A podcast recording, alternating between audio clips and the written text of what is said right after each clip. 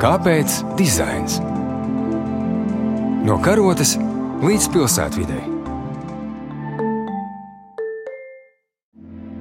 Esiet sveicināti, darbie klausītāji! Ar jums šodien studijā Klaus Priedītis. No funkcionālas ikdienības un vienkāršiem rūpnieciski pavairotiem produktiem līdz ekstravagantiem un unikāliem mākslas darbiem, kas nereti veidoti vienā vienīgā eksemplārā.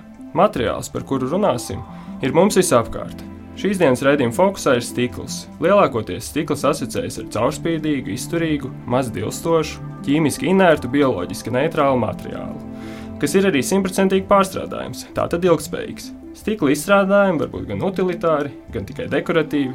Dažreiz tie balansē starp dizainu un mākslu, meklējot savu vietu priekšmetiskajā pasaulē.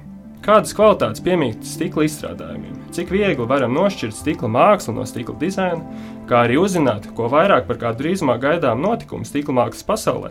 Par šiem un citiem jautājumiem es šodien studijā uz sarunu esmu aicinājis divas stikla mākslinieces un dizaineris un gaidāmā Eiropas stikla mākslas festivāla kurators Martu Čibieti Sveiki! un Bārbalu Gulbi. Labdien! Paldies, ka esat pievienojušies mūsu šīs dienas raidījumam! Un uh, sarunu es gribētu iesākt ar šķietami tādu vienkāršu jautājumu. Es domāju, ka manu klausītājiem būtu interesanti paraudzīties uz šo materiālu ar stikla mākslas profesionāļu acīm.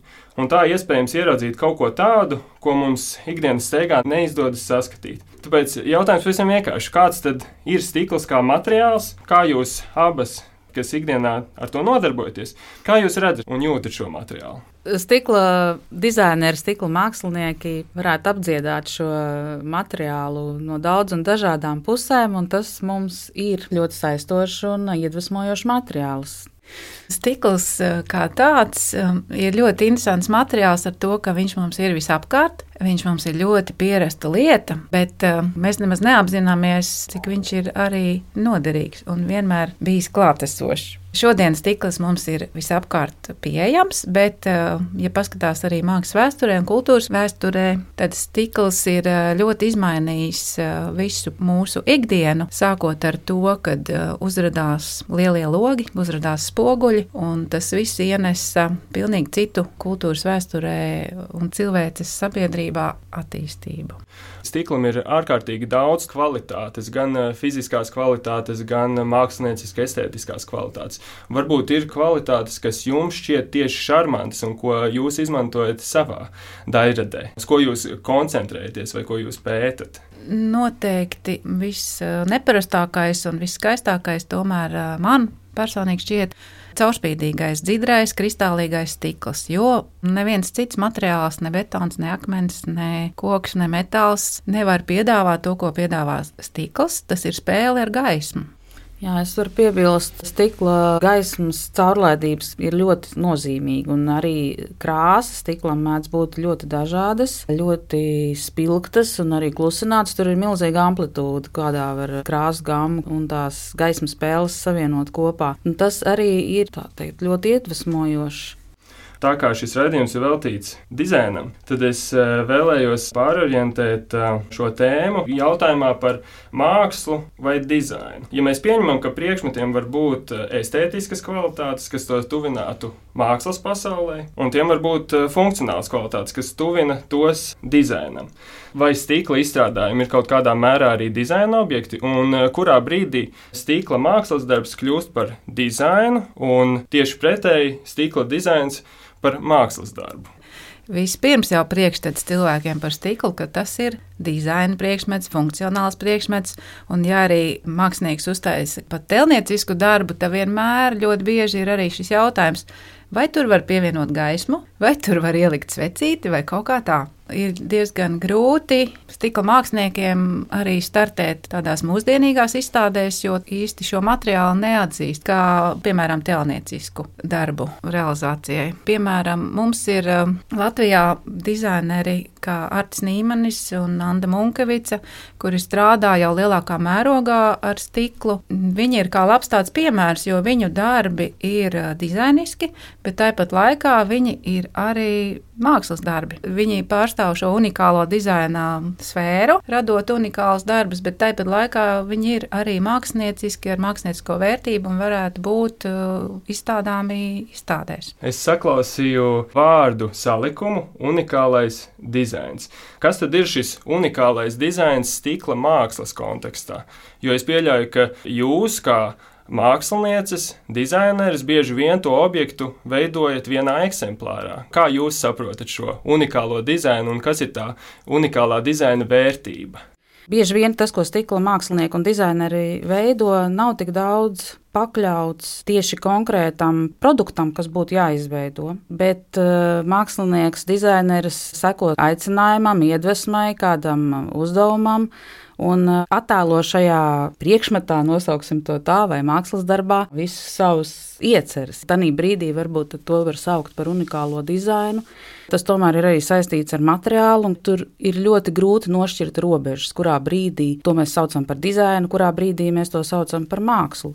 Ļoti bieži mākslā stikls tiek izmantots arī kā tāds ļoti poetisks materiāls, tieši dēļ savām šīm fiziskajām īpašībām, gaismas caurlaidību, trauslumu un visas asociatīvās spēles, trauslums, un īpašā laikā izturība, tas viss, kas stiklam piemīt. Stikla mākslinieki šeit mums arī Latvijā ļoti bieži arī var sev saukt par stikla dizaineriem. Mēs gan veidojam šos unikālos dizainus vai mākslas darbus un veidojam savas izstādes vai piedalāmies kopizstādēs. Tāpat laikā paralēli mēs arī izveidojam dažādus produktus. Kādam tie var būt kā N-Angela, Artina Nīmeņa, trauku līnijas, kas arī ir tāds augsts klases dizains Kāds strādā tieši interjera dizainā, kur veido interjera detaļas vai gaismas objektus, vai tās būtu vitrāžas, tas jau būtu pieskaitāms pie dizaina, bet kurā brīdī tas pāraug jau tādā kā mākslas darbā, ko pēc tam vēl varēs vēsturiskās grāmatās aprakstīt. Tas ir labs jautājums.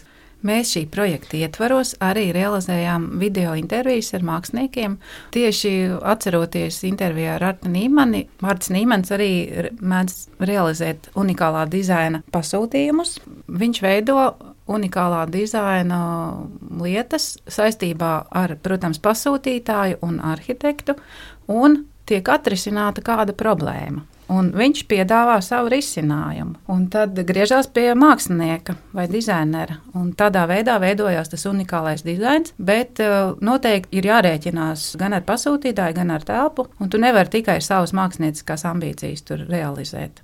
Jo arī man ir bijis uh, pasūtījuma darbi, kur sadarbībā ar arhitektiem ir, un tad piedāvā skices, un tad ir šis teikums, nē, nē, māksla mums nevajag, stop, apstāsimies pie šī, un tad reizēm man ir diezgan bēdīgi, jo es gribētu izpausties. Bet nu, es saprotu to, ka es jau tur nedzīvošu, un man jārēķinās ar to, ka cilvēks dzīvos, izmantos, un uh, pasūtītājs ir tas, kurš nosaka gāmi. Bet, protams, mēs piedāvājam savu redzējumu, savu unikālo skatījumu kā mākslinieki.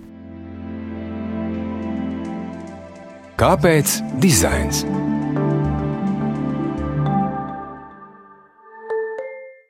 Raidījuma turpmākajā daļā es eh, vēlos pievērsties šķiet diezgan vērienīgam pasākumam, Eiropas stikla mākslas festivālam, kurā droši vien varēs aplūkot daudzus darbus, ko radījuši stikla mākslinieki un dizaineri, arī no Latvijas tostarp.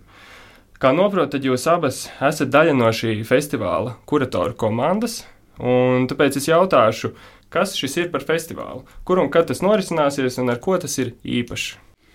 Tā tad eh, šī gada oktobrī Eiropas stikla mākslas festivāls jau astoto gadu notiks Polijā. Tas notiek Vroclavā.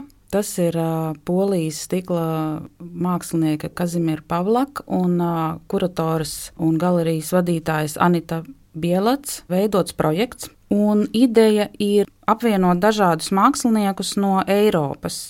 Septiņus gadus poļu kuratore Anita Bielats ir aicinājusi dažādus māksliniekus no visām Eiropas valstīm kopīgā izstādē parādīt dažādus stikla mākslas darbus, sākot gan no dizaina objektiem, gan instalācijas, gan atsevišķi priekšmeti. Nu, lūk, šogad poļu kuratori uzaicināja mūs sadarboties un veidot Baltijas stikla mākslas izstādi. Šogad stikla mākslas festivālu Polijā pārņems Baltijas stikla mākslinieki. Mēs būsim galvenais akcents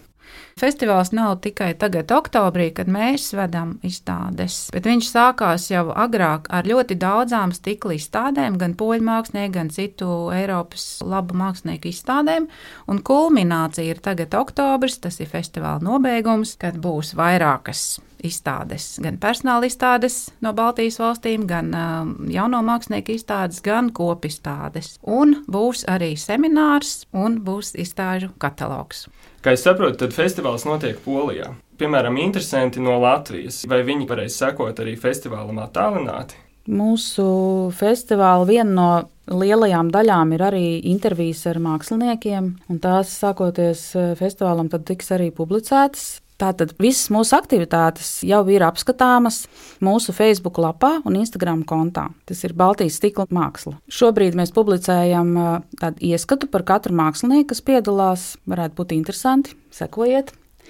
Un turpmāk, kamēr mēs izstādi būvēsim, kamēr notiks visas atklāšanas un semināri, nu, cik vien būs iespējams, centīsimies parādīt to publiski. Mums uh, festivāla ietvaros notiks kopizstāde, galvenā izstāde. Tajā piedalīsies 34 autori no visām trim Baltijas valstīm. Izstāde ir tik liela, jo mēs esam daudz. Mēs gribam parādīt uh, savus māksliniekus, visu to plašo spektru, kādā mēs strādājam. Un tādēļ izstāde notiks divās vietās. Tradicionāli tas ir Vroclavā, Vroclavas dzelzceļa stacijas sesiju zālē, tādā vēsturiskā, skaistā telpā, un otra izstādes daļa notiks Legnītas pilsētas mākslas galerijā. Tas ir netālu no Vroclavas, tai pašā reģionā. Galveno izstādi pavadīs vēl vairākas nelielas personāla izstādes. No katras valsts būs viens jaunais mākslinieks, kas prezentēs savus darbus. Dažiem tās būs debijas izstādes. Nu, tāds kā pašam savu personāla izstādi.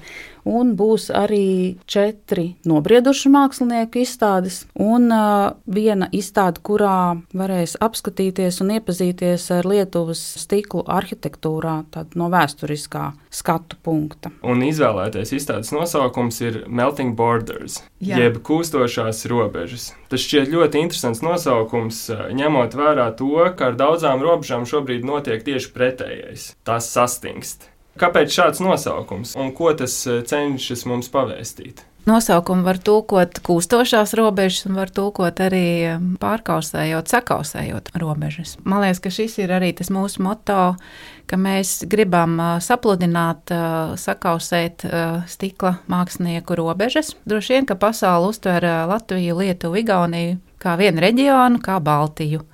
Un eh, es domāju, tas ir arī mūsu tāds uh, spēks, jo kopā mēs varam vairāk, kā arī šis projekts to pierāda. Mums, protams, ir atšķirības. Mēs katrs esam nedaudz savādāk, un katrā valstī mums ir sava izglītības sistēma tieši stiklā, un vēsturiski ir dažādas nianses, kas ir ietekmējušas šādu vai tādu tehnikas izmantojumu vai praktiskās iemaņas, kas piemīt māksliniekiem. Bet uh, kopumā es domāju, ka mēs ļoti atšķiramies no itāļu stikla mākslas skolas un arī no skandināvu. Mēs esam kaut kur pa vidu, tāpēc ir šīs sakausētās robežas un uh, piedāvājam sevi kā vienu reģionu. Pārbaudījumi jau minēja, ka izstādē tiek savākti daudzi mākslas darbi no dažādiem reģioniem, vai ir novērojams kādas īpašas stikla mākslas tendences, kas būtu raksturīgas piemēram tikai Baltijas reģionam vai tikai Latvijā? Vai stikla mākslu Baltijā var nošķirt no stikla mākslas Spānijā, piemēram? Tas ir ļoti sarežģīts un tāds plašs jautājums. Veidojot šo projektu un arī video intervijas, veidojot ar māksliniekiem, es um, sapratu tādu niansi, kad uh, Latvijā atšķirās gan no Lietuvas, gan no Igaunijas. Un mēs atšķiramies ar to, ka mums ir tādi lieli uzņēmumi, kā Anna Munkevica ar AM studio un Artis Nīmans ar Anna un Angel. Uh, Lietuvā un Igaunijā principā uh, ir vairāk uh, tādi mākslinieciski un mazie uzņēmumi viņiem, bet mums ir šādi te tiešām tādi diezgan lieli, un par to es ļoti lepojos. Jūs kā kurators komplektējat darbus, ko izstādīt šai izstādē. Mans jautājums eh, varētu būt arī par to, kādas tēmas tad risina jaunie mākslinieki, dizaineri savos darbos, stikla mākslas darbos. Kas ir tās problēmas, kas viņus uztrauc un par ko viņi runā ar šiem darbiem? Atlasot darbus izstādē, mēs strādājām kopā gan lietuviešu, igauņu un latviešu kolēģi. Mūsu uzstādījums ir parādīt dažādību un arī tādu vienotību. Izstādē piedalās dažādi pauģu mākslinieki, bet tas, kas ir raksturīgs, manuprāt, ir ļoti poētiski tie izteiksmes līdzekļi. Poetiskiem valodā daudz mākslinieki runā par atklāsmi, par uh, problēmām zemes. Tas tēmas ir ārkārtīgi plašas. Es varētu piebilst, ka, protams, ir tā atšķirība, jā, kad jaunie mākslinieki ir tādi tā kā sociāli aktīvāki un viņu darbi ir vairāk orientēti uz kādu problēmu aktualizēšanu, bet vecākā paudzes mākslinieki vairāk tādi dzējiski un poētiski, kas neiet tādā politiski sociālu jautājumu apspriešanā caur saviem darbiem. Šķiet interesanta prakse arī viena projektu kontekstā piesaistīt daudz dažādus kuratorus no dažādiem reģioniem. Kāda ir jūsu pieredze, kurējot un veidojot šo programmu festivālā tik ražīgā pulkā? Vai personīgās ambīcijas un interpretācijas nepārmāc to vienīgo konceptu, vai tur ir pilnīga vienprātība? Mēs noteikti arī izveidojām kopā konceptu, kā mēs parādīsim un ko tieši mēs rādīsim no saviem māksliniekiem.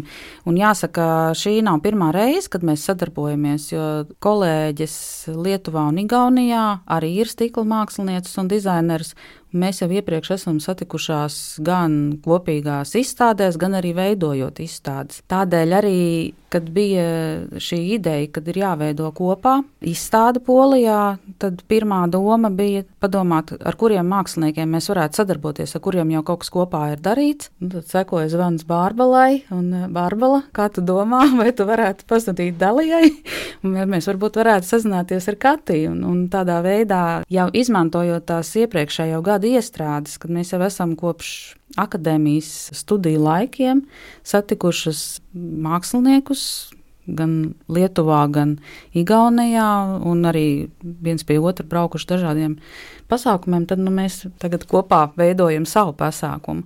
Un jāsaka, kādu laiku arī nav bijis tāds kopīgs, lielāks stikla notikums mākslā, dizainā, kopīgi veidots Baltijas valstīm. Es varētu arī piebilst, un pastāstīt nedaudz vēsturi. Poļu puse, par cik Marta Ģibieta jau bija divreiz piedalījusies un bija arī uzaicināts personālis, tad viņi bija iepazinuši Martu un uzaicināja Martu, Marta varbūt taisīja Baltijas tika mākslinieku izstādi nākamajā festivālā. Un uh, Marta saprata, ka viņa to varbūt viena nevarēs. Viņa saprata, ka vajadzīgs ir palīdzība un griezās pie manis. Un tālāk mēs arī pārdomājām un izdomājām, jā, tiešām mēs to varētu mēģināt darīt. Mēs varētu uzrakstīt projektu un varbūt arī dabūt naudu, ko mēs ļoti veiksmīgi arī dabūjām no Baltijas kultūra kapitāla fonda. Un šī komanda, gan uh, Igaunijas, gan Lietuvas kuratoris, bija pazīstams jau no iepriekšējiem projektiem, bet, protams, šī realizācija šobrīd, tad, kad ir šī ekonomiskā un politiskā situācija, ir diezgan grūta. Mums visām tas būs liels pārbaudījums, un es ļoti, ļoti ceru, ka uh, visa realizācija notiks tik veiksmīgi, cik iecerēta, un ka uh, arī mūsu labās un draudzīgās attiecības būs mm, līdz galam tādas, kādas viņas bija sākumā. Jā, atliek vēlēt jums veiksmi un izdošanos, gan uzsākot atklāšanā šo projektu, gan noslēdzot. Lielas paldies, ka jūs abi šodien bijāt kopā ar mums. Varbūt jums nobeigumā vēl ir kādi novēlējumi vai ieteikumi, kā saskatīt stikla apslēpto šārmu ikdienā. Nesen bija Luda Bērziņa, vitrāža mākslinieka piemiņas izstāde.